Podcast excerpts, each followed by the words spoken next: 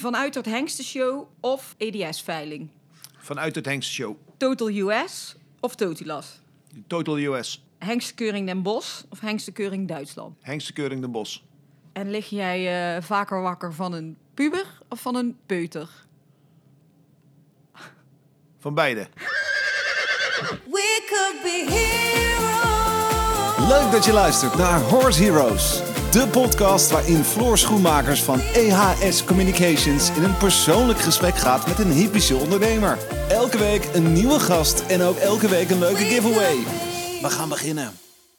Hij is vaak serieus en soms niet. Recht door zee, altijd druk, rechtvaardig, consequent en opgeruimd. En bij een paar drankjes wordt hij steeds gezelliger. Vandaag zijn we niet in de studio in Weert, maar ben ik op locatie in Herenwaarde. Op een hele leuke plek voor een open haard met een kop thee. En tegenover mij zit... Volgens mij Joop van Uitert. Joop van Uitert, hoe is het? Ja, het is goed. Zeker in deze coronatijd. eh ja, een beetje aparte wereld, maar eh, ook weer eh zo'n gezellige momenten, zoals je al zegt. Hè? Lekker bij de open haard. Ja. Gezellig tegenover elkaar. En we gaan even een leuk gesprekje van maken. hey Joop, ehm, waar kennen wij elkaar van? Weet je dat nog? Nou, we kennen elkaar al uh, ellenlang volgens mij. Eh, ja, ik heb je eigenlijk leren kennen in de tijd van de, eh, de tijd van Kreek, van de Equine Elite.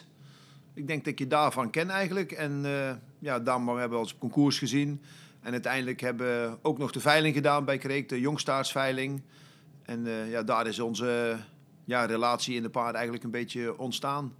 En later heb je natuurlijk wat meer dingetjes voor ons gedaan met nieuwsbrief, website en uiteindelijk ook de agenda gemaakt voor 2021. En wij hebben, weet je nog, dat wij eh, op de hengstkeuring die dubbele stand hadden toen. Oh ja, ja. Dat was ook wel heel gaaf. Toen, De, eh, de dubbele stand was echt, een, echt een, ook een highlight. We Ja. stonden natuurlijk op een geweldige locatie, niet zo heel ver van de ring. Maar als je dan op de bovenste etage zat, ja, dan kon je zo op de ring kijken. En dan hadden we zeker met de twee dressuurdagen natuurlijk eh, ja, heel veel mensen die boven gingen zitten, een Ja. drankje erbij. En eh, het was ook heel leuk ingericht met eh, ja, een combinatie van, eh, ja, volgens mij deed het met z'n vier of vijf man de, de Ja. stand. Dus we hadden eigenlijk altijd mensen binnen, altijd gezelligheid. En eh, ja, het was ja, superleuk en ja, dat was echt wel was een dingetje om op terug te zien. hey, en dan leggen we meteen eigenlijk al een linkje naar, met de hengstekeuring naar jouw bedrijf natuurlijk. Joop van Uitert van Hengststation van Uitert. Wil jij ehm, wat meer vertellen over je bedrijf? Ja, het bedrijf is in eh, 1993 ontstaan. Eh, en hoe is het eigenlijk ontstaan? Eh, mijn vader die, eh, die had eigenlijk nog wel paarden. Die was een beetje paardenhandelaar. Zijn eh, carrière is eigenlijk begonnen met eh, het, het grondverzet. En eh, heeft paarden eigenlijk als eerste ponies gedaan, later paarden. En echt zo'n paardenhandelaar en uiteindelijk ook hengsten. En toen ik wat eh, opgroeide en wat ouder werd, ja, werden- hebben we toch een beslissing gemaakt ergens om... om het hengsten, de hengsten zeg maar thuis te houden op je eigen hengststation.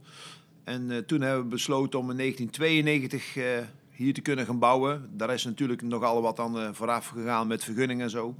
En in 1993 eh, was het pand klaar en hebben we ons eerste dekseizoen gehad. Dat was met drie hengsten. Een jonge hengst die ik in Holstein gekocht had, die bij het KWPN gekeurd was. Dat was de hengst Houplord. De hengst Pion, een oude hengst. En de hengst Balsvloek, die eh, vooraf ter dekking gestaan heeft in eh, België. En het eerste seizoen hebben denk ik zo'n beetje 200, 250 merries gedekt. Ja. Dus dat eh, was eigenlijk het begin. Toen was het bedrijf heel klein. Mijn vader heeft me eigenlijk altijd heel goed daarin ondersteund. En heeft ook altijd de dingen zelf laten doen. Wat eigenlijk heel belangrijk is van een ouder. Eh, hij heeft altijd gezegd, Joop, eh, je moet het zelf eh, toch doen. En na twee, drie jaar kijken we hoe de stand van zaken is. En dan beslis je zelf eh, of je paardenbedrijf winstgevend is. En ja, failliet gaan doen we niet, zei hij. Want dan verkopen we het en dan ga je maar voor een baas werken. Maar wonderwel ging het van begin af aan goed. En zoals ik net zei, hadden we het eerste jaar zo'n beetje tussen 200 en 250 medisch. En het tweede jaar groeiden we al door naar 400. Toen kreeg ik de Hengst Partout erbij van, van eh, TCN, Trakene Contact Nederland, die door Ankie gereden werd. ja. Ehm, het jaar daarop eh, kocht ik de hengst Peter Pan bij van Paul Schokkemeulen. Dus zodoende is ons eerste contact ontstaan met Schokkemeulen. En in dat jaar ben ik ook al veulens gaan kijken van eh Partout. En zodoende kwam ik op het pad in Duitsland van Gribaldi, die uiteindelijk in 1905 of 96 gekocht is. En eh, vanaf dat moment erbij gekomen is. eh, Oké, hij was op dat moment natuurlijk alleen nog voor de Trakehner goedgekeurd, waar hij ook kampioen werd. Toen is hij naar Nederland gekomen en heeft hij gelijk eh, heel veel paarden gedekt. Dus toen is ons de station gelijk al doorgegroeid naar de 800, 900 merries. En de jaren erop zijn er natuurlijk heel veel hengsten bijgekomen. Ja, waaronder een bekende hengst als United, Vivaldi, Chivago, Bordeaux. Paint Black hebben meegedekt. Tango die Nederlands kampioen werd. Dus het bedrijf is eigenlijk heel hard doorgegroeid naar uiteindelijk eh, een 2000 merries plus. En dat is eigenlijk een aantal jaren zo goed doorgegaan tot in eh, 2010 eh, ja, voor ons een heel slecht jaar aanbrak. Eh Gribaldi ging dood. Eh, de recessie kwam er een beetje aan. En eh, er kwamen eigenlijk nogal wat eh, eh, nieuwe hengsten op de markt die voor ons veel concurrentie eh, brachten. Dus toen zijn we uiteindelijk een beetje teruggevallen weer naar eh 12, 13 onderdekkingen. Maar de kosten liepen natuurlijk wel door. Dus die jaren zijn toch nogal wat eh, minder geweest. Eh, maar ik heb toch eigenlijk een aantal eh, jonge paarden goed kunnen verkopen. Waardoor we deze periode toch eh, goed doorgekomen zijn. En vanaf 2014, 15 is het eigenlijk weer eh, heel hard gegroeid. Toen kregen we in de E-jaargang eh Eyecatcher goedgekeurd, Estoril. In de F-jaargang zelfs zeven hengsten. In het voorjaarsonderzoek eh, Foundation, Five Star ehm, en Verdo. En eh, in het najaar F van USA was een springhengst, freestyle eh, en voor Gribaldi. Dus dat was eigenlijk een heel sterk jaar voor ons. En vanaf dat moment is het eigenlijk heel hard doorgegroeid. Het jaar erop kwam weer geniaal. En ja, dat, dat heeft zich eigenlijk heel goed doorontwikkeld. En de laatste twee, drie jaar zitten we toch op dekking rond de 2500. En daarmee zijn we denk ik eh, ja, toch wel aardig toonaangevend in de Nederlandse dressuurpaardenfokkerij. Of eigenlijk wel de Europese. Want als je kijkt dat eh, onze hengsten Gribaldi en Crecce, waar de basis mee begonnen is... eh, hun kinderen of eh, rechtstreeks of in de moederlijn, dat zie je bijna op elk stamboek terug. Dus daar zijn we best wel trots op dat we zo'n belangrijke stempel eh, afgegeven hebben. Ja, dat snap ik. Hey, dit uh, hengststation is gevestigd in Herenwaarde. Is het hier eh, ook altijd begonnen met jouw vader? Is die ook hier begonnen? Nee, mijn vader eh, die woonde in Ammerzode, een klein dorpje verderop, eh 15 kilometer eh, verderop. Eh, daar hadden wij een, eh, klein ja, bedrijfje, boerderijtje, net hoe je het wilt noemen, met zes stallen. Dat lag eigenlijk midden in het dorp. En daar eh, deed hij eigenlijk zijn handel. En de hengsten die hij dan had, had hij bijvoorbeeld verhuurd aan eh, destijds eh, tonen in, eh in Marekessel of eh, bij eh Vennebos in Heelweg hebben wel wat hengsten gestaan. Dus eh, oké, uiteindelijk toen ik dan wat ouder werd, volgens mij ben ik met het bedrijf hier begonnen toen ik 23 was. Ehm, ja, dan werd je eigenlijk ook wel in het diepe gegooid. Alleen, ja, dat hebben we hebben toch heel snel op kunnen pakken. En ja, het was toen natuurlijk heel anders dan nu, maar ja, elke tijd heeft zijn charme. En ja, we hebben het bedrijf toch eh, goed uitgebouwd. En ik denk zeker dat de laatste zes, zeven jaar eh, het bedrijf ook wel een eh, verjonging heeft doorgestaan door Renaat. We zijn toch wel heel actueel geworden in alles weer. Je hebt natuurlijk heel veel nieuwe dingen gekregen, zoals Insta en Ja. Facebook. En oké, ik hoef jou niet uit te leggen, Floor, maar die wereld is eigenlijk compleet veranderd. Ja. En ik denk dat we daar toch aardig goed in meegegaan zijn. Ik weet nog dat we acht, negen jaar geleden een hele beperkte website hadden. Dat dat nog heel, ja, heel eh, niet toekomstgerichtig was. En nu, eh, als je op de website kijkt, we kunnen alle minuut dingen aanpassen. Eh, alles staat er goed actueel op. En je ziet eh, dat de wereld natuurlijk online veel veranderd is. En zeker afgelopen anderhalf jaar door het, eh, of het laatste jaar door de corona. Dat is natuurlijk helemaal een grote impact. En dan moet je alles online toch wel aardig goed voor elkaar hebben. Ja, ja en eh, als wij elkaar nu spreken, hebben we eigenlijk net te horen gekregen dat Indo-Brabant wederom niet doorgaat. En eh, vorig jaar, 2020, toen brak natuurlijk eh, die, de hele corona uit dat we in die eerste lockdown eh, kwamen. Weet jij nog waar je toen mee bezig was? Toen, dat, toen, toen de eerste lockdown kwam, eigenlijk een jaar geleden. Ja, in het begin van de ja, coronatijd, daar begon het eigenlijk mee. Dat, ja, dan, dan denk je, het valt eigenlijk allemaal wel mee. We waren zelf eh, ook op wintersport geweest. Eh, het was eigenlijk in februari dat ik eigenlijk de, de, de hengstenkeuring heb. Dat al onze de folder klaar moet zijn. Dat, ja, dan moeten we eigenlijk best veel regelen. Dan hebben de EDS-selectie eh, videodagen. Dus in februari moet er veel klaar zijn. En dan proberen we meestal zo eind februari na deze drukke periode een weekje op wintersport te gaan. Eh, we gaan altijd met een gezellige club met de gebroeders Brouwer en zo. Dus eigenlijk heel leuk.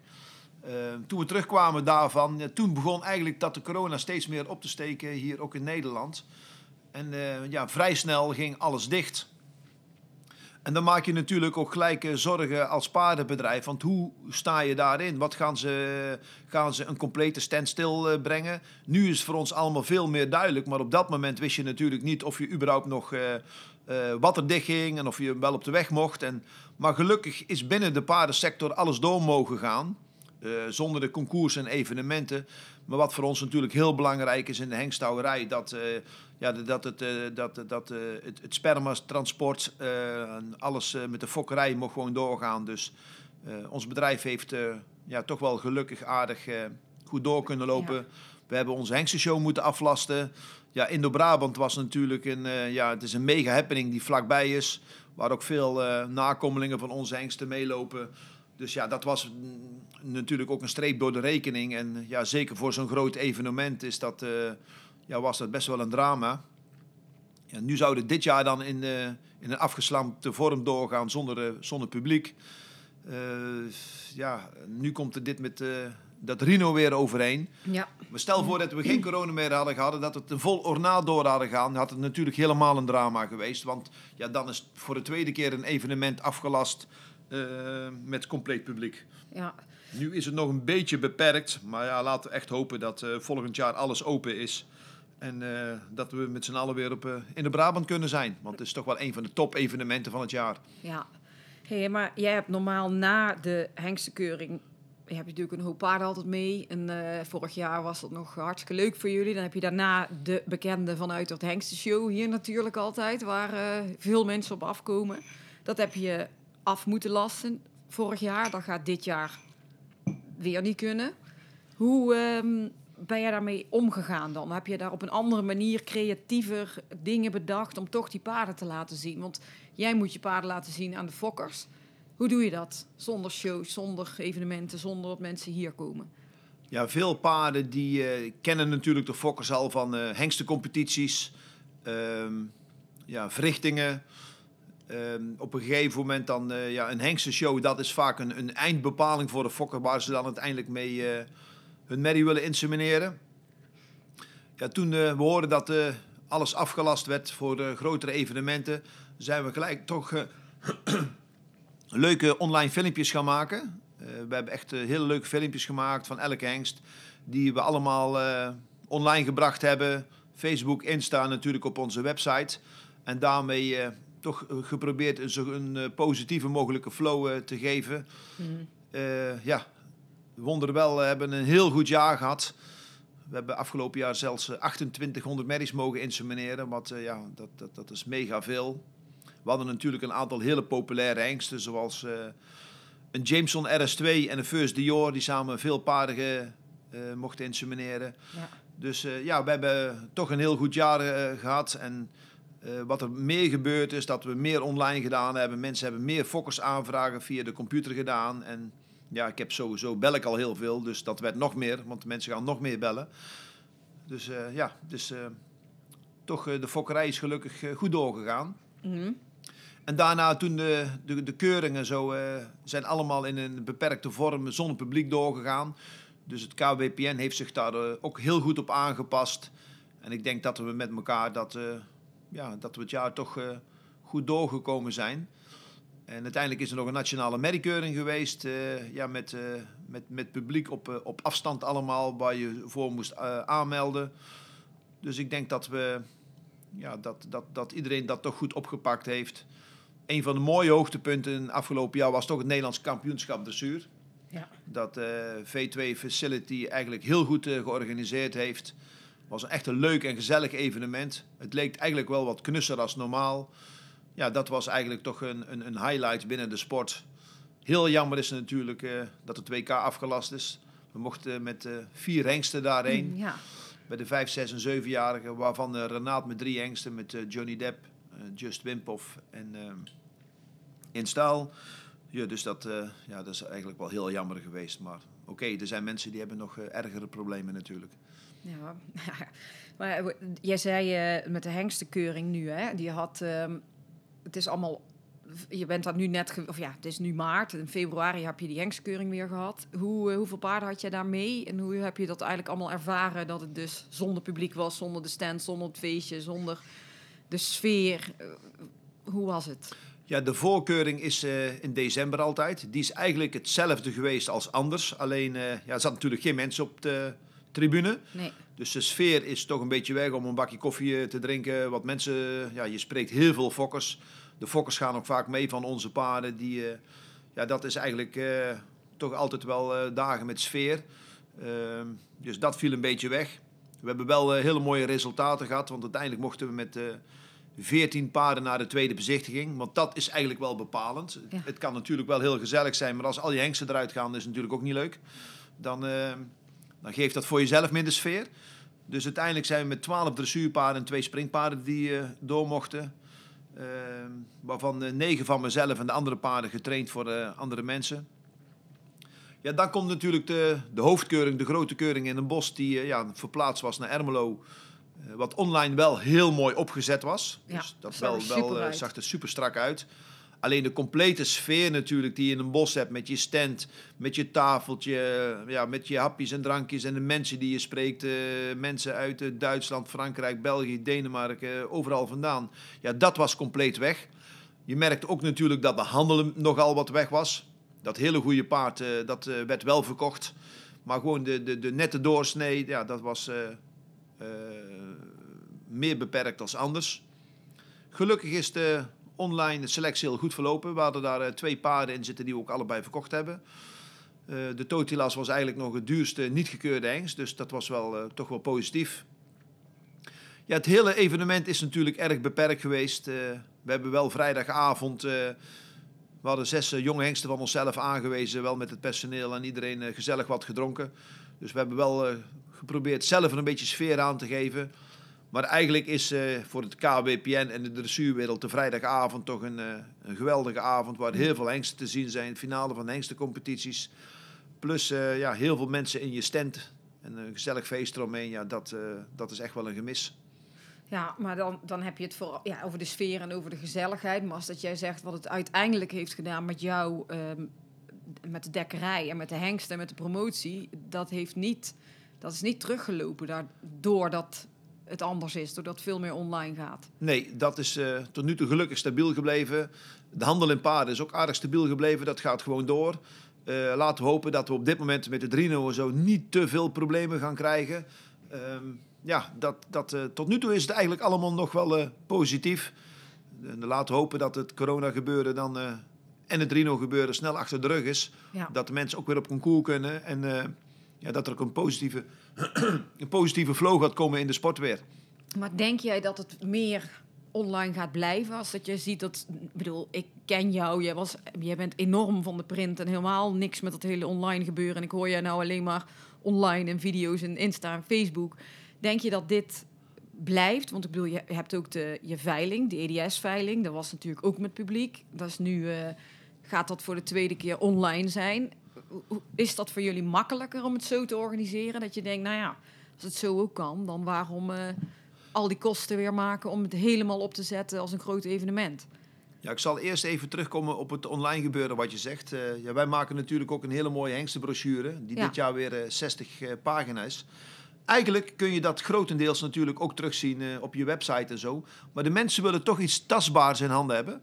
Dus wij hebben een oplage van eh 13.500 stuks, waarvan 9.000 met eh, in de strengen meegestuurd wordt. Dus die gaat naar 9.000 fokkers. Dan hebben we 3000 eh, stuks die naar het buitenland gestuurd wordt.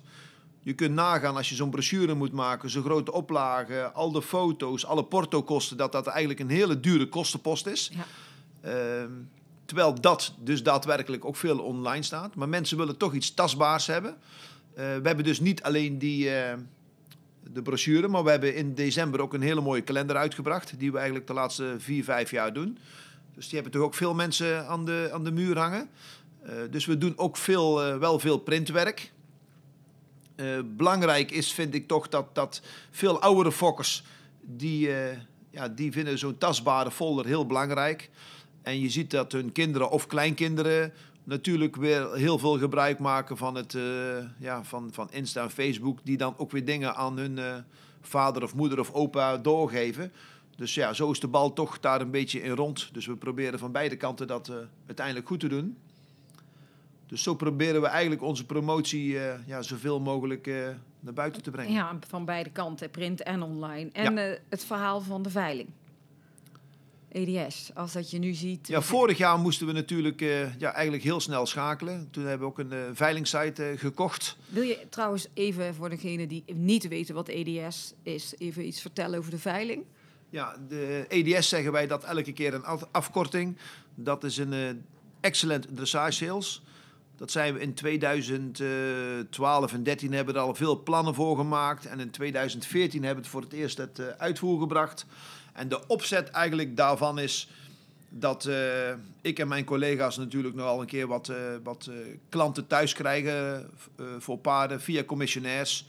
Soms zitten er vrij hoge commissies tussen, waardoor verkoop eigenlijk niet doorgaat. Toen hebben we gezegd, oké, we gaan dat meer transparant maken en we gaan een veiling opzetten. Dan kunnen natuurlijk ook ineens meerdere paarden aangeboden worden.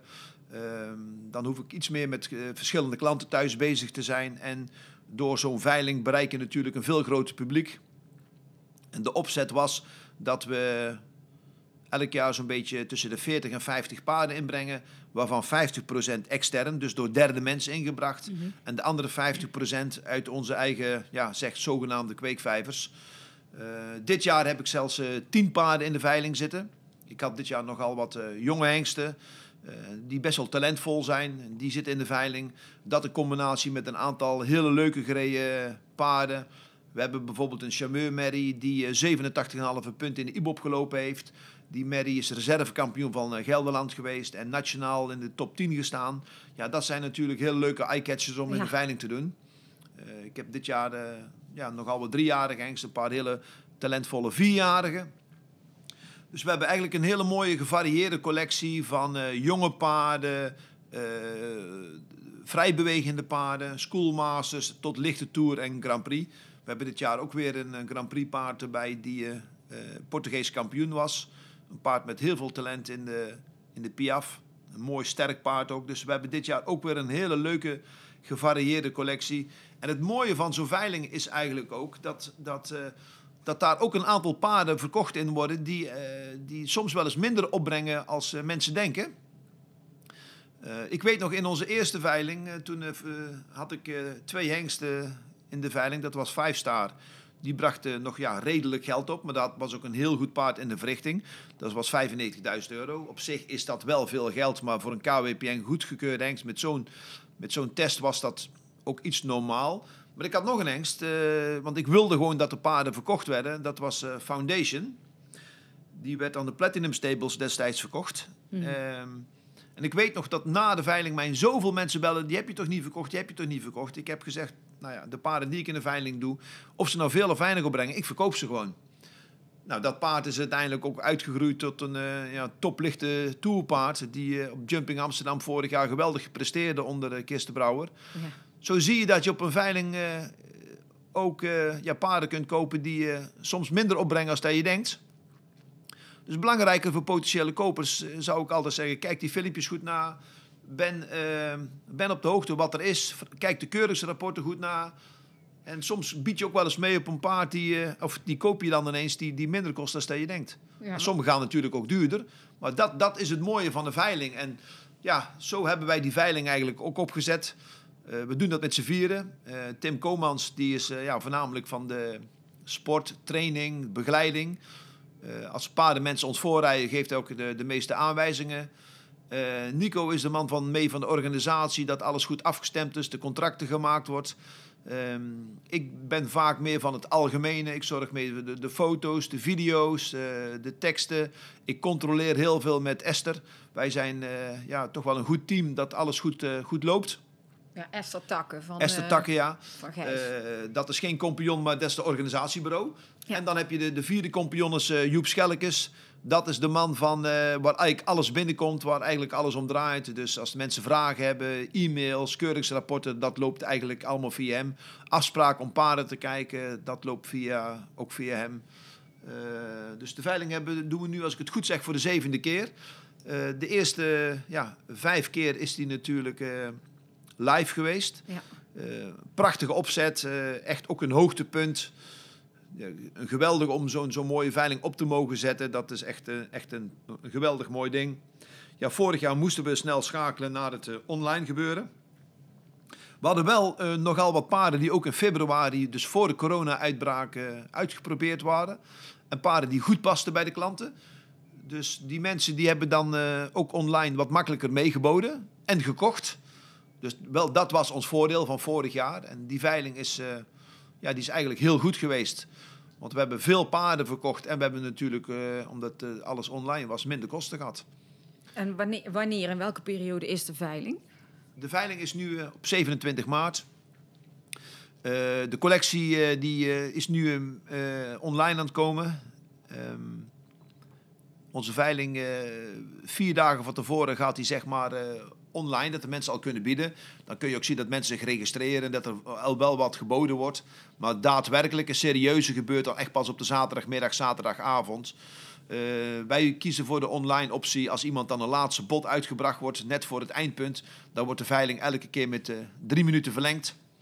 Dat mensen ook eh, echt over een bod kunnen nadenken. En ja, dat eh, vinden wij een fijne formule die we dan vorig jaar toegepast hebben. En ook eh, vorig jaar eh, zomer, najaar met onze veulenveiling, die eigenlijk heel succesvol was. En nu komt dan eigenlijk onze derde online eh, editie. En het is de tweede van de, de veilingpaarden.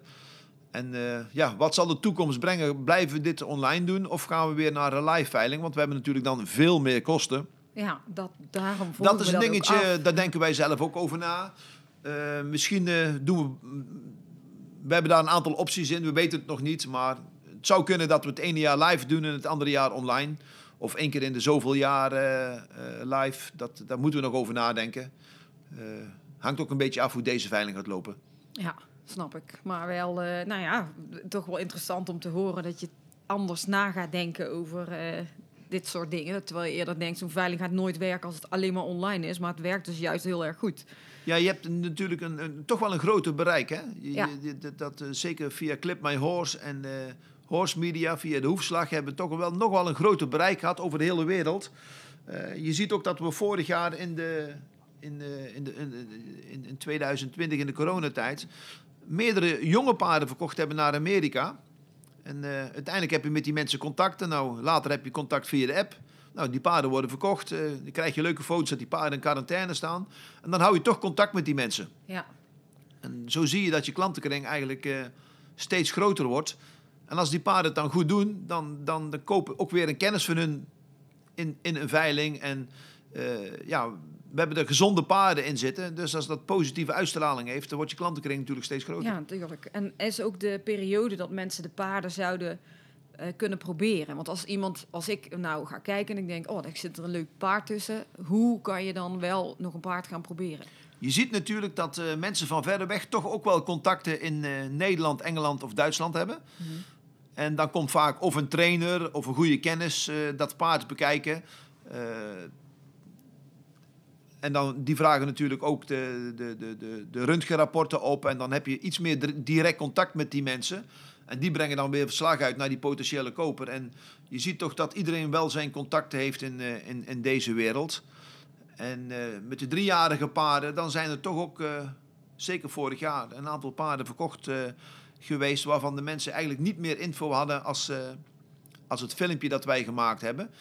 Eh, ik wil even er wel bij zeggen dat wij een filmpje maken namens EDS. En dan later kan de eigenaar eh, ook nog een extra filmpje maken. Dat er ook op de site geplaatst wordt van hoe het paard thuis in omgang is. En extra aan de longe of eh, hoe die gereden wordt of, of dergelijke dingen. Dus ze hebben toch wel vrij veel info. Ehm, ja, en nogmaals, met de contacten die er dan toch wel in Europa zijn van mensen die de paarden bekijken, ja, werkt het toch ook aardig goed. En als er mensen, gewoon- hier in Nederland, hè, die ook eh, mee gaan kijken, die zeggen ik wil zo'n paard uitproberen. Ik bedoel, je hebt een langere looptijd vooraf, denk ik, nu het allemaal online is, toch? Dat je niet Ja, meer en- een, eh, presentatieavond hebt en mensen kunnen dan een paar dagen die paarden proberen. Maar je maakt nu een afspraak. Of hoe werkt dat zo? Ja, de afspraken worden natuurlijk veel meer thuis gemaakt. Ja. Eh, mensen kunnen gewoon een paard komen kijken en proberen. Dus die regels zijn natuurlijk wel een beetje anders dan een jaar geleden. Want toen wisten we daar natuurlijk heel weinig van. Eh, mensen kunnen nu gewoon thuiskomen. Dus ja, dat, eh, dat gaat gewoon door. En eh, ja, als die filmpjes online zijn, dan krijgen we gelijk een hoop reactie. En ja, zeker ook uit Nederland en België komen die mensen dan toch wel wat sneller hierheen. Of naar de plaatsen waar de paarden natuurlijk staan. Ja, nou ja, het ziet er gewoon hartstikke mooi uit allemaal. Dus ik ben benieuwd wat het nu in maart weer gaat doen. En jouw eigen hengstenshow. Ja, onze hengstenshow eh, is natuurlijk eh, ja, een, een, een, een, eh, ook een hoogtepunt voor ons seizoen. Het is natuurlijk altijd heel veel werk om een mooie show op te zetten. Ja, dat doen we ook met veel plezier. Ja, we de laatste jaren hebben we hem eigenlijk buiten gehad. Ja. Omdat ja, de, de show binnen ja, zo groot geworden was en zoveel mensen binnen dat het te gevaarlijk geworden is. En ook de brandweer had er erg moeite mee. Er is gelukkig nooit niks geprobeerd, ge- of, gebeurd. Afkloppen natuurlijk. Eh, de laatste twee, drie jaar hebben we de show buiten gehad. eh, elke keer met eh, ja, gelukkig heel goed weer. Ja. Ja, dan is dit ook een prachtig evenement als die tribunes helemaal vol zitten met mensen. En om de ring zit vol met mensen. En de paarden laten zich goed zien. Het mooie van zo'n show is dat je heel veel fokkers met elkaar ziet praten. Als ik op de keuring ben en de fokkers die ik ken, overal, iedereen zie je dan hier. Ja, dat is altijd een, een, een geweldig ding. Je ziet heel veel mensen foto's, video's maken. Eh, gemiddeld presenteren zich de paarden dan ook, eh, ook wel goed op zo'n dag. Ja, dat is echt een highlight die, dat je zelf ook geweldig vindt. Ja, dat is natuurlijk allemaal een beetje anders. Maar eh, ja, laten we hopen dat dat volgend jaar echt wel weer door kan gaan. Maar dat gaat niet online. Je gaat niet de show doen en dat alles bijvoorbeeld gaat livestreamen of zo. Dat, Ja, veel mensen nemen die online shows op. Livestreamen kun je, dat gaat niet, want dan heb je te veel mensen nog bij elkaar. Want we werken wel met 30 hengsten. Dus als jij dan een show geeft, dan ben je toch minimaal met 60, 70 man bij elkaar om dat ja, eh, live compleet te, te, te doen. Dus dat, dat, dat mag niet. Eh, ja, dan moet je vooraf alles gaan opnemen. Maar dan krijg je een beetje het effect van de filmpjes die je maakt. ja. Dus ja, dat geeft voor mij niet zoveel toegevoegde waarde. Eh, er zijn eigenlijk nog wel wat mensen die eh, ook gewoon thuis komen kijken, die eh, een keertje over het bedrijf lopen, die een praatje maakt, die eh, een aantal paarden bekijkt. Dat, dat is wel wat meer natuurlijk als normaal. Ehm, nogmaals, veel paarden kennen de mensen natuurlijk al. En we proberen ook zoveel mogelijk ja, filmpjes te hebben en, en dingetjes. Ook de KWPN-keuring die natuurlijk online was, die hebben wel allemaal extra filmpjes gemaakt van, van de paarden. We zijn er met echt meerdere hengsten geweest. Bijvoorbeeld eh Renate heeft daar eh, Just Wimphoff gereden en in staal. Diederik van Silverhout heeft Impression gereden. Eh Marieke van der Putten heeft daar gereden met Jameson. Eh Denja met Hermes. Onze jonge hengst eh, ehm, Livius en Lennox zijn daar voorgesteld door Gerel Vink en Jill Bogers. Van de nieuwe jaargang hebben My Blue Horse Santiano en Monte Carlo Blue Horse laten zien. Dus ja, we hebben nogal wat paarden eigenlijk daar gepresenteerd die dat allemaal online uitgezonden is. Dus ja, ik denk wel dat eh, de, de meeste mensen onze hengsten toch aardig goed kennen. Ja, En dan hebben we natuurlijk ook onze oude hengsten. We hebben op dit moment natuurlijk Bordeaux, die geweldig furoren maakt in zijn fokkerij. Ja, een van de beste paarden ter wereld is toch eh, Bohemium van Catherine Dufour. Die komt uit zijn eerste jaargang. Die, eh, ja, de oudste zijn pas tien jaar oud. Dus eh, Bordeaux maakt een geweldige eh, fokkerijcarrière door. Hij is natuurlijk ook de vader van Verdo, van Johnny Depp. En eh, heel veel getalenteerde paarden. Ehm, Easy Game heeft eigenlijk in de trakenenwereld niet zoveel gedekt. Heeft maar 70, 80 eh, nakomelingen. Nou, daaruit is toch geboren natuurlijk Millennium. En het Duitse top 10 paard eh, Dalera van Jessica van Bredo Werndl. Eh, ja, dat is ook een serieuze medaillekandidaat naast Bohemium. Dus dat is eigenlijk geweldig. En dan natuurlijk een oude hengst die hier ook te dekking staat als Vivaldi. Ja, die is wereldwijd wel zo bekend. Eh, ja, daar kan eigenlijk het Nederlands team... eh, een, een volledig team zeg maar, uitzenden met eh, Desperado, Dreamboy, eh Sennen, Expression. Ja, dat is natuurlijk een... een dat zijn eigenlijk sowieso al drie geweldige verervers die hier op stal staan. Ja, ja, ik hoor eh, een heel trots persoon tegenover mij. Is leuk om te horen. Joop, wat is de grootste gok die jij eh, ooit hebt genomen? in eh, jouw carrière? Nou, de grootste gok had ik al vrij snel in mijn carrière. Dat was de aankoop van Gribaldi. Ehm, ja, die was eigenlijk zo duur dat ik het geld niet eens had. Toch kocht ik hem. Dus al dat geld wat ik op de bank heb staan, heb ik geïnvesteerd. En dat was uiteindelijk nog maar een derde van het paard. Dus ik heb er twee compagnons bij moeten zoeken. Eh, dat was eh, Rinus de Jong en een, eh, eigenlijk een kennis van hem. En in de eerste twee jaar hebben we met z'n drieën gehad. Toen hebben we eigenlijk die mede-eigenaar, omdat dat geen paardenman was, uitgekocht. En toen heb ik hem eigenlijk altijd samen gehad met, met Rinus de Jong. Ja, we hebben samen een geweldige tijd met hem meegemaakt. Hij heeft heel veel paarden gedekt. Maar op het moment dus dat wij hem kochten, ja, dat was een mega risico. En eh, zeker zijn röntgenfoto's, dat was toen allemaal nog heel anders dan nu. Ehm, ja, ik kocht hem eigenlijk met de, met, met de röntgenfoto's die erbij waren. En eh, er waren destijds nog geen eens eh, kniefoto's bij. En het Nederlandse stamboek, dus KWPN, wilde al wel kniefoto's hebben. Dus er was, was een, volledig risico, een, geweldig risico om zo'n paard zo duur te kopen. En nog, nog geen volledige röntgenset. Ja, zoiets zou je nu haast niet meer durven. Maar gelukkig was alles goed en eh, ja, heeft het allemaal eh, geweldig uitgepakt. Mocht het met dat paard eh, verkeerd gegaan hebben destijds, ja, dan had de wereld er waarschijnlijk nu wel een beetje anders uitgezien bij ons als het nu gegaan is. Dus nu kun je, daar kun je eigenlijk zien wat één paard ja, in je carrière natuurlijk kan doen. Ja. Hey, wat heb jij zelf met paarden? Wat heb je echt? Ben jij echt? Heb je zelf ook gereden? Of heb je ook? Ja, als kind heb ik wel wat paard gereden. Ik was niet echt zo'n zo'n echte fan van het paardrijden. Ik vond het wel leuk, zo'n beetje. ja. ik heb gereden tot eh, LM-niveau, eh, tot, tot, tot mijn veertiende. Eh, ja, ik heb wel wat kleine concoursjes gereden. En je weet hoe dat gaat dan, een beetje met ponies en paarden. Mijn vader was handelaar, dan wat ik al straks zei. Ja. Dus die kocht een keer een pony en een paard hier en die reed ik dan. Maar ik was niet echt fanatiek. Toen ben ik er eigenlijk toch een beetje mee, mee gestopt toen ik volgens mij 15, 16 was. En toen ik 19 was, heb ik het eigenlijk zelf opgepakt.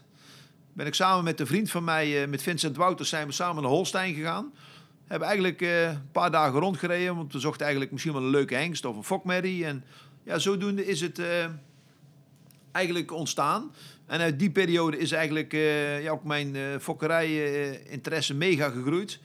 Toen hebben we daar eigenlijk een, uiteindelijk is mijn vader nog een keer mee terug geweest, want die moest natuurlijk wel mee betalen. Toen hebben we een, eigenlijk een hele leuke eh, merrie gekocht daar, een Corrado merrie. Die eh, eigenlijk aan de basis staat van heel veel goede paarden ondertussen in Nederland. De merrie Coradin heette die. Ehm Balorado bijvoorbeeld, een paard dat internationaal gelopen heeft, komt nog uit deze lijn. Ehm, daar heb ik ook een eh, jonge hengst gekocht. Dat is dus de Houplot waar ik eh, mee begonnen ben. Dus ja, dat heb ik eigenlijk vrij snel uitgebouwd. En toen is het eigenlijk ook hard gegaan. Ja, wat mijn passie in paarden is, dat ik een eh, ja, talentvol paard zie. Dat, dat eh, als ik een jonge hengst zie die geweldig kan bewegen. eh, waarvan ik denk dat hij de skills heeft en de, de uitstraling en alles kan. Ja, dat, dat, geeft, dat geeft mij de kracht in de, in de paardenhouwerij. Daar hou ik echt van. Wat voor een type paard? Omschrijf eens een paard wat echt voor jou het droompaard is. Nou, bijvoorbeeld toen, toen ik een, een jonge Totilas, maar Sir Donderal bij, bij eh Schokkemuller meenam. Toen ik dat paard voor het eerst hier in de binnenbak eh, deed. Ja, dat zo'n paard die ik toen losliet, die had zoiets speciaals waarvan ik dacht, ja oké, dat kan zomaar wauw wauw zijn. En dat is Total US geworden. Ja. Dat, eh, dat, dat, ja, dat voel je, dat zie je. Dat, dat, dat, dat is iets dat... dat eh, ja, waarom is de ene beter in, in, eh, in, in, in dingetjes als de andere? Ja, dat is toch het, eh, het, het, het, het goede eh, kunnen scouten van paarden. En er zijn zeker in de dressuurwereld eh, maar een groepje van tien mensen die dat echt kunnen, vind ik. Eh, die ook die kijk op een paard hebben. En dan, eh, ja, dat, dat geeft eigenlijk de kracht van je, van je, van je bedrijf. Hetzelfde is vergelijkbaar met een voetbalclub. Je moet natuurlijk hele goede scouts hebben die talenten binnenhaalt. Dan is het wel makkelijker voor de trainer. ja, zeker. En dat is, het, dat is ook onze basis. Elke keer toch weer een paard met talent hebben. Een ander voorbeeldje is eigenlijk Hermes, die nu heel succesvol is in de Grand Prix. Ja, Die heb ik als veulen gekocht. Ehm, ja, dat was een heel mooi veulen. En als 2,5-jarig hengst ben ik ermee naar de hengstekeuring gegaan. Eh, toen mocht hij naar de tweede bezichtiging. Toen hadden we dat paard aangereden, want loslopen was nooit zo heel goed van hem. Dat filmpje heb ik toen nog naar de commissie gestuurd, of naar de inspecteur, zeg maar. Dat, dat ik heel erg gesmeerd was van dat paard. Ik weet nog goed, ik liet hem in de tweede bezichtiging zien op zaterdagochtend. Nou, toen, eh, Toen gooiden ze hem eruit, dus toen mocht hij niet verder. Nou ja, ik was die dag gelijk al helemaal depressief. Want eh, ja, dat is toch een paard waarvan ik de, de, het gevoel bij had. Ehm, toen heb ik hem vrijwillig naar het verrichtingsonderzoek gedaan. Nou, toen is hij ook geslaagd met, eh, met nette punten, met volgens mij 78,5 of zo. Eh, het paard was in het begin niet zo makkelijk, dus we moesten ook in de training wel eens een keer goed aanzien, aanzitten. En als je, hem dan, als je dan echt aanzat en eh probeerde hem toch in, in, in, in de goede training te krijgen, ja, dan kon je gelijk al zien als hij dan een soort van een beetje boos werd, dat hij gelijk al eh, ging doorsluiten. En dan stond hij al te piaferen als een volledig, eh volledig Grand Prix paard. Dus hij liet zijn talent al heel vroeg zien. Ja. Dus we hebben eigenlijk altijd vertrouwen in dat paard gehad. En hij heeft ook een heel aantal hoogtepunten gehad, ook momenten dat het minder ging. Maar als je dan toch vasthoudt aan je dingen die je als jong paard gezien hebt. en je kunt dan de training met de ruiter goed uitbouwen en de begeleiding eromheen. eh, en ik denk zeker dat eh, het laatste jaar Dinja dat goed gedaan heeft met eh Riki. Dat ze meer rust in het paard gebracht hebben. Ja, dan kom je tot de resultaten waar je nu staat met zo'n paard. En ja, dan zie je toch dat je het als, als, als, jong paard er goed gezien hebt. Ja, want dat is wel leuk dat je daarover begint. Want een van onze accounts van Go Social, Ilse van der Wouw, die, die vroeg dat ook. Die vroeg zich dat af van Hermers. Dat hij minder gedekt heeft dan die andere hengsten. Maar dat jij wel eh, vanaf jongs af aan al vertrouwen in hem had. En dat hij nu dus inderdaad Grand Prix loopt. En maar hoe heb jij dat ervaren daarvoor? Jij zag het al. En dan krijg je toch een beetje niet eh, de reactie die je verwacht waarschijnlijk. En nu loopt hij dit. Merk je het terug ook in de dekkerij weer. En Ja, dat zal dit jaar moeten blijken of hij wat meer paarden gaat dekken. Maar eh, ja, met Hermes is dat heel raar. Ook in het begin heeft hij weinig paarden eh, gedekt. Ja, oké, dan zie je eigenlijk als zo'n zo'n zo'n zo'n zo'n verrichtingsonderzoek niet helemaal geweldig tot zijn, eh, tot zijn recht komt. Dus dat hij eigenlijk in de, met normale punten goedgekeurd wordt. Ja, dat, dat zo'n paard eigenlijk een slechte start maakt. Eh, uiteindelijk heeft hij uit zijn eerste jaargang eh, ja, toch een merrie gegeven die Renate naar een IBOP-score van 85,5 punt gereden heeft. Ja, dat is gewoon heel hoog. Eh had een hengst ook in, in, in Duitsland goedgekeurd, Hey Henkie. En een hengst in Nederland in de tweede bezichtiging. Dus eigenlijk heeft hij toch wel aangetoond goed te kunnen fokken. ja, Eh, maar ja, mensen rennen dan toch weer naar andere paarden toe. Ik, ik weet niet wat het is, eh, terwijl ik hem toch vaak adviseer. Toen heb ik zelfs een jaar gedaan dat ik eh, hem lager in dekgeld gezet heb. En dat, toen heeft hij wel wat meer paarden gedekt, gelukkig. Uit die jaargang heb ik ook een aantal jonge hengsten nu in opvolg staan. Die over volgend jaar en die met het jaar erop op de hengstenkeuring komen. Ja, oké, als eh, Hermes dan constant blijft eh, presteren, dan eh, denk ik zeker dat hij wel wat meer naam gaat krijgen. Maar dat paard heeft echt iets speciaals. En bijvoorbeeld zijn piaf, ja, dat doet hij net zo makkelijk als stilstaan. Dat is gewoon zijn tweede natuur. En dat heeft hij toch geërfd van, van zijn vader Easy Game en van Gribaldi. Die toch wel wat paarden doorgeven die heel makkelijk piaf en passage doen. Zeker Gribaldi heeft ook nummer 1 op de wereldranglijst gestaan. En ja, heeft gewoon eh, meer dan 50 Grand Prix paarden gegeven. Ehm, nou, bij Hermes is dat echt... eh, ja, als je thuis ook wel eens ziet, dan denk je... Dat de piaf, dat doet hij net zo makkelijk. eh, dat, dat, dat is on- onbegrijpelijk. Ja, dat, dat is echt zijn natuurlijk talent. En als een paard dat echt van nature heeft... dan leidt hij daar natuurlijk ook niet zoveel mee in zijn training. nee, maar Want ja. heel veel paarden moet je echt hard werken voor de piafpassage. Ja, dat hoef je bij hem niet. Dat, dat gaat hem wel iets gemakkelijker af. Ja, maar ik denk dat het ook wel een, een eer van je werk is, even goed dat hij nu eh, dit presteert. Dat jij het altijd al hebt gezien en eh, Ja, nou is- is... het zo. Het is natuurlijk geweldig dat, dat, dat, dat, dat het zover gekomen is. Ja. Helemaal mooi was natuurlijk in Tolbert dat de totaal een geweldige proef liep. Ja. Die we eigenlijk als jong paard eh, gekocht hebben. Hermes en natuurlijk niet te vergeten Haute Couture. Eh, ja, dat is een merrie die, we, eh, die ik eh, zelf eh, gefokt heb. Eigenlijk is dat ook weer een heel mooi verhaal om te vertellen. Want ik was bij een eh, fokker in Breda. Die had een hele mooie jazzmerrie. En daar had hij ook een mooie good times uit. En toen heb ik hem uit geadviseerd. Ik zeg, dek die merrie met krek en dan doen we die het veulen samenhouden. Eh, ik had natuurlijk eh, gedoeld op een hengsveulen. Maar toen het veulen geboren werd, was de merrieveulen. En toen zei die fokker ook tegen mij... Ja, oké, merrieveulen samenhouden is natuurlijk eh, niet zo heel interessant. Dus toen heeft Albert Drost het deel overgenomen van, de, van die fokker. En dat merrieveulen hebben Destiny genoemd. Dus een krek C-merrie. Eh, die hebben als driejarige met, eh met connoisseur geïnsemineerd. Ja, en dat is haute couture geworden. Dus eigenlijk geweldig hoe zo'n verloop eh, gegaan is. En haute couture was een, een jonge merrie die toen als driejarige niet te groot was, maar geweldig kon bewegen. als ik het goed zeg, had ze op de stamboekeuring eh 85 punten voor exterieur en ik geloof 90 voor beweging. Uiteindelijk heeft ze ook hoog op de nationale merriekeuring gestaan. Heeft ze nog in de finale gestaan. Eh, later hebben ze aangereden en heeft Dinja met haar de IBOP-test gedaan. Had ze 90 punten. Dus dat was Ja. eh, ook al een recordscore. Ja, mega.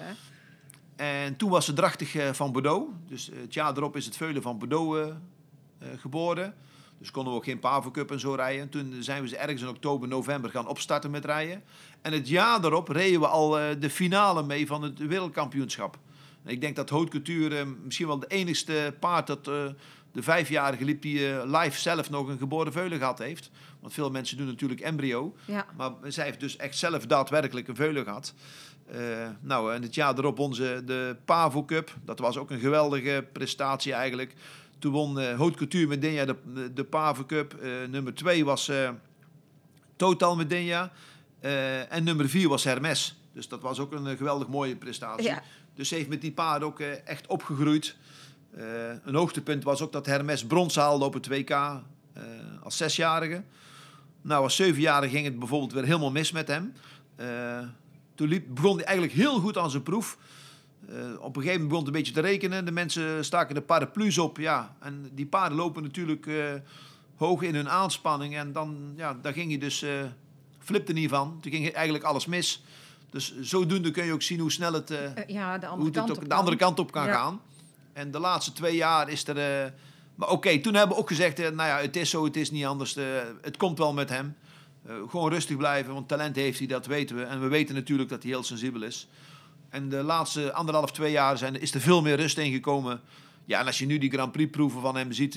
ik heb hem dan gezien in, in Tolbert. Ja, zo mooi ontspannen. Je kijkt er met zoveel plezier naar. En dan zijn eerste special die hij vorige week gelopen heeft in de Meren. Ja, er zitten natuurlijk wel wat eh, kleine foutjes in. Maar als die er nog uitgaan, ja, dan gaat hij echt eh, mega scores lopen. Ja, wordt tijd. Oké, dat we weer, 75% is al een mega score natuurlijk. Ja. Alleen dat kan gewoon nog meer worden als die foutjes eruit gaan. Want ja, zo wil je dressuur zien dat alles eh, ja, net of het vanzelf gaat. Eh, het gaat natuurlijk niet vanzelf. Maar dat het beeld als vanzelf gaat. En dat er heel veel natuurlijke uitstralingen zitten. En dat heeft die combinatie eh, ongekend. Ja, nou, en nou hoor ik jou praten en nou wil ik het zien live, echt. Dan moeten Ja. er evenementen komen, want dus, je praat er met zoveel passie over. Dat is wel, ja, ik zei eh, eigenlijk al gelijk tegen hem, want ik ben natuurlijk dan ook gelijk helemaal eh, gepassioneerd. Ik zei Ja. gelijk al tegen, tegen de bondscoach eh, Alex van Silfhout, regel nou nog een startplek op Ja. in de Brabant. En oké, er mochten maar vijf combinaties natuurlijk heen. Natuurlijk ook nog gelijk een appje gestuurd naar Ankie. Ja. En maar ja, dan zie je wel, dan gaat heel in de Brabant weer niet door. Eh, we zouden eigenlijk ook naar Opglabeek gaan. Ja, dat gaat natuurlijk ook niet door. Eh, even kijken hoe het nou zich verder ontwikkelt. Even een vraag over ehm, jouw band. Hè? Jij, je praat echt heel gepassioneerd over die paarden en over wat je ziet als ze bewegen. Maar je hebt natuurlijk ook zelf... Welk paard is voor jou waar jij zelf de meeste band mee hebt gehad? Die voor jou echt heel speciaal was. Ribaldi weet ik, maar was dat ook het paard waar jij echt... eh, Ja, wat natuurlijk heel mooi is, dat eh, toen ik Renate heb leren kennen, toen eh, kwam zij natuurlijk vaak naar de jonge hengst kijken die hun, eh, hier in training hadden staan. Die hengst die hadden ze gekocht bij de Equine Elite. Galaxy was dat. Ehm, en toen heb ik Renate beter leren kennen. En toen op een gegeven moment zag ze hier een, een, een tweejarige hengst, die ik zelf gefokt had, waar zij helemaal gecharmeerd van was. Eh, het jaar erop is die hengst naar de hengstekeuring gegaan en uiteindelijk is hij ook goedgekeurd. Dat is in staal. ja, Eh, daar is eigenlijk zij een beetje haar eh, carrière mee begonnen bij ons als, als hengstenrijder. Die heeft ze mee aangereden, in de verrichting voorgereden, als jonge hengst voorgereden in, de- in, in, in Den Bosch. Hengstencompetitie en ja, dat ging beter en beter en beter. En ze kreeg hoge punten voor haar stijl van rijden, dat het er ook zo ontspannen uitzag. Ja, daarnaast ging ze natuurlijk Just Wimpel van Johnny Depp rijden. Ook eh, twee getalenteerde paarden die geweldig bij haar passen.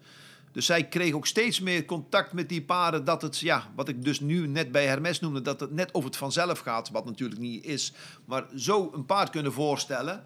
Ja, dat is, eh, daar heeft zij zich geweldig in ontwikkeld. ja. Ehm, dus als je dan aan mij vraagt welk paard eh, is toch wel een paard die, die heel erg aan je hart ligt, is dat natuurlijk in staal. Omdat ik hem A zelf gefokt heb. En dat hij een geweldige band met de Renaat opgebouwd heeft en zich zo ontwikkelt.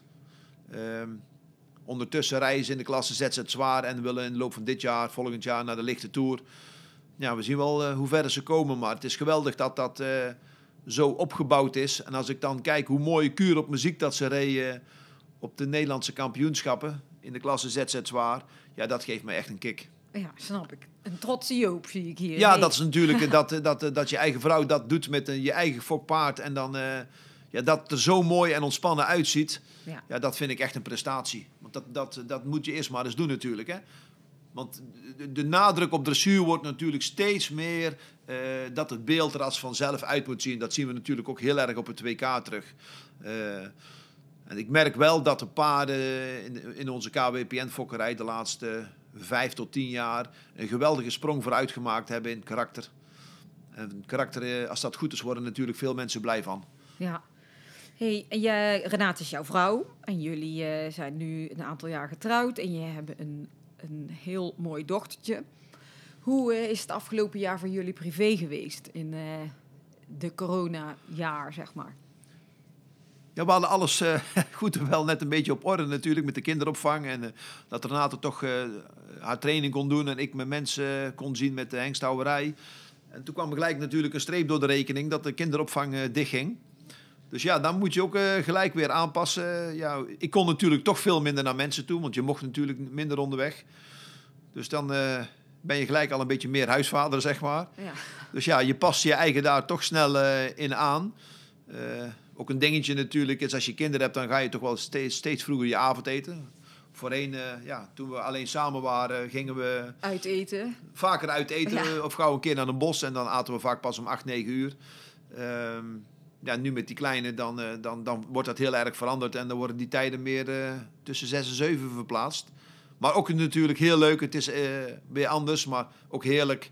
Met die kleine die, die eet en dan gaat ze of mee douchen of even in bad. En ja, je hebt echt een, eh, een, een, een- een band als gezin natuurlijk. En ook heerlijk eh, als eh Gwen, mijn andere dochter, om de weekend hier is. Ja, die kan ook geweldig al geweldig spelen met Stella. Dus ja, dat geeft echt wel een supergezellige familieband. Ja, En daar- ondertussen hebben we nog een kleine hond bij. ja. Dus ja, maar die, die meiden, zijn het allebei paardenmeiden, Gwen en Stella? Ja zeker. Gwen heeft twee ponies. Eén pony eh, van onszelf en de andere heeft ze eh, van iemand te rijden. Dus die is er echt wel eh, serieus mee bezig. Maar dan zie je toch wel dat het ook nog wel moeilijk te combineren is met school natuurlijk. Want ja, ze moeten, al is ook nu veel online, ze krijgen toch veel huiswerk. Ze moeten daar toch wel serieus aan de bak. Eh, dan moet je ook je tijd wel vrij kunnen maken tussen je vriendinnen die je hebt natuurlijk. En Ja. een paar ponies rijden. Dat is ook nog wel een dingetje. Maar dat doet ze aardig goed. Ja, en Stella die, eh, ja, die heeft binnen zo'n eh, schommelpony staan. En dan heeft ze zo'n plastic zakje waar een borstel in zit en een hoevenkrabber. En daar borstelt ze mee. En dan, eh, dan gaat ze met de hoevenkrabber eh, soort naar de voeten toe. Dus ja, dat, dat lijkt het echte paardenmeid te worden. Ja, maar die En ook als, eh, op stal, toch? Ook ja. mee. En als we dan boodschappen ben doen of zo en we komen uit de auto, dan lopen ze niet naar het woonhuis, maar dan lopen, wil ze gelijk naar stal. En Ja. dan wordt ze soms ja, verdrietig als ze niet naar de stal mag. Dus dan wil ze echt daarheen. En als ik er dan mee heen ga, dan eh, wil ze ook een paard vastpakken. En eh, ja, daar moeten we natuurlijk heel voorzichtig mee zijn. Maar dan, eh, ja, die kinderen denken dat ze alles kunnen natuurlijk. Ja, maar die zien papa en mama de Ja, hele dag en ja, dan, eh, dat lijkt wel dat dat ook volledig de paardenkant op gaat. Oh, dus dat wordt de volgende generatie voor. Nou, ik vind het wel heel belangrijk, weet je, dat ook met Gwen en met Stella strak, ze moeten dat echt zelf willen. Eh, dat moet ook echt hun passie zijn. Ze hoeven dat voor mij absoluut niet, maar dat, dat, dat ja, nogmaals, eh, de, een, paarden hebben en een ruiter zijn, dat is echt een way of living. Dus dat moet je ook echt, echt willen. Ja, nou ja, dat advies wat jij van jouw vader eh, hebt gekregen, Ja. dat zul je hun alweer eh, dat vind ik heel belangrijk, dat dat echt, echt hun dingetje zelf beslissen. Hey, ehm, Dua Lipa. Wat heb jij met dat nummer One Kiss? Ja, we zijn natuurlijk eh 18-8-2018 getrouwd. Eh, jij vroeg mij eh, ja, een, een, een, een, eh, een leuk nummer. Ehm, bij onze bruiloft hebben we een heel leuk filmpje gemaakt... eh, waar eh, verschillende drie nummers in voorkomen. Dit nummer en onder andere van Ed Sheeran.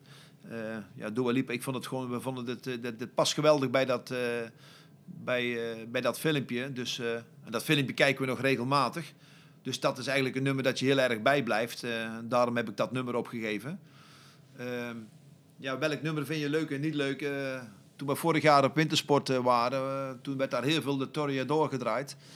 Ja, geweldig nummer. Alleen, eh, ja, dan, dan wordt zijn nummer op een gegeven moment ook helemaal plat gedraaid. En dan op een gegeven moment dan is het ook weer een keer over. Terwijl het eigenlijk een geweldig nummer was. Maar dit nummer van Dua Lipa, is, dat, dat, eh, ja, dat, dat, dat, dat is echt een hele mooie herinnering aan onze bruiloft. En eh, ja, dat zal altijd zo blijven. Dat is- One kiss is all it takes. Falling in love with me. Possibilities. I look like all you need. One kiss is all it takes.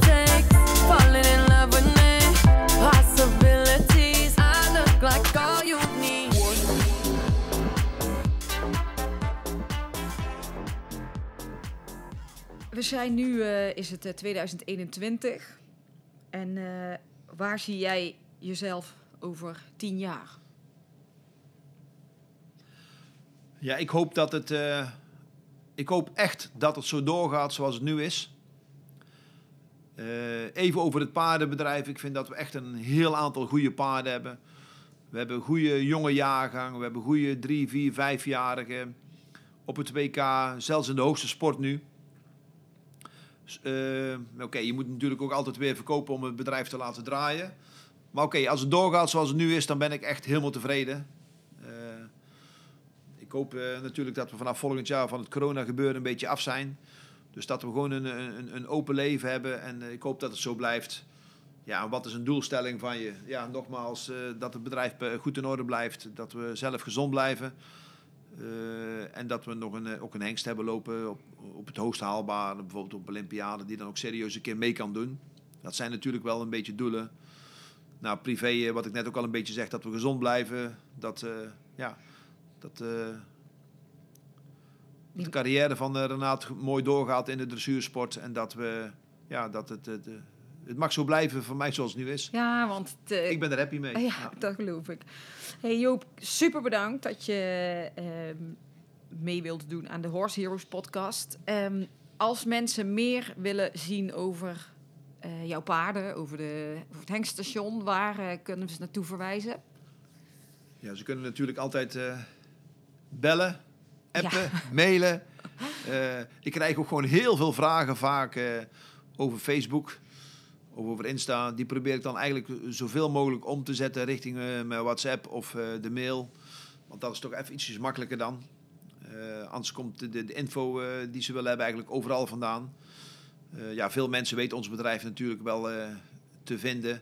Maar je merkt ook dat elk jaar toch weer nieuwe mensen in de paarden komen die hun sport willen opstarten, hun fokkerij willen opstarten. En dan, ja, dat proberen we dan natuurlijk als bedrijf daar zo goed mogelijk in te begeleiden. Ja, we staan eigenlijk open voor alles, dus dat, En dat, over dat de- proberen zoveel goed mogelijk te doen. Wat ik nu ook zie, dat we, omdat we natuurlijk een heel aantal paarden die toch wel succesvol zijn, dat we veel, veel meer aanvraag krijgen om eh, ja, mensen die paarden zoeken.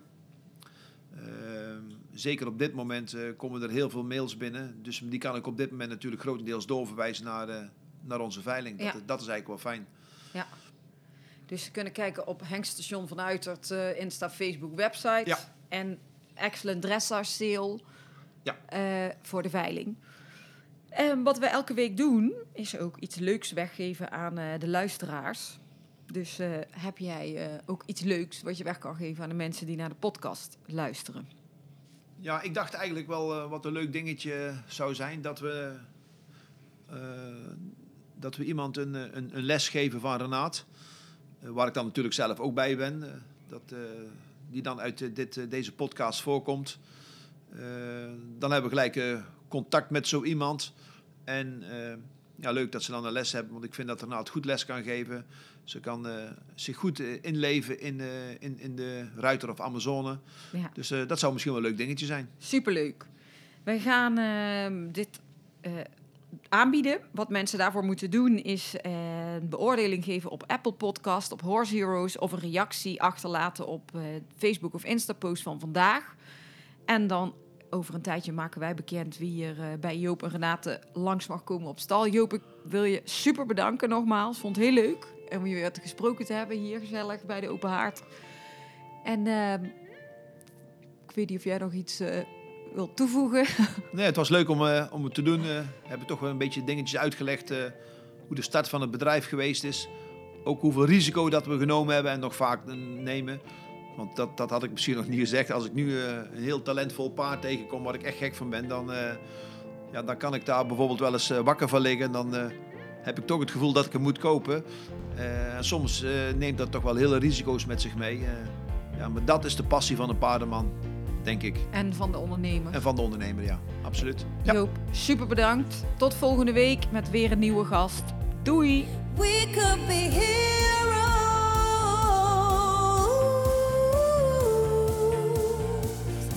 Dit was hem weer, de Horse Heroes podcast. Wil je meer weten over Floor, haar bedrijf of deze podcast?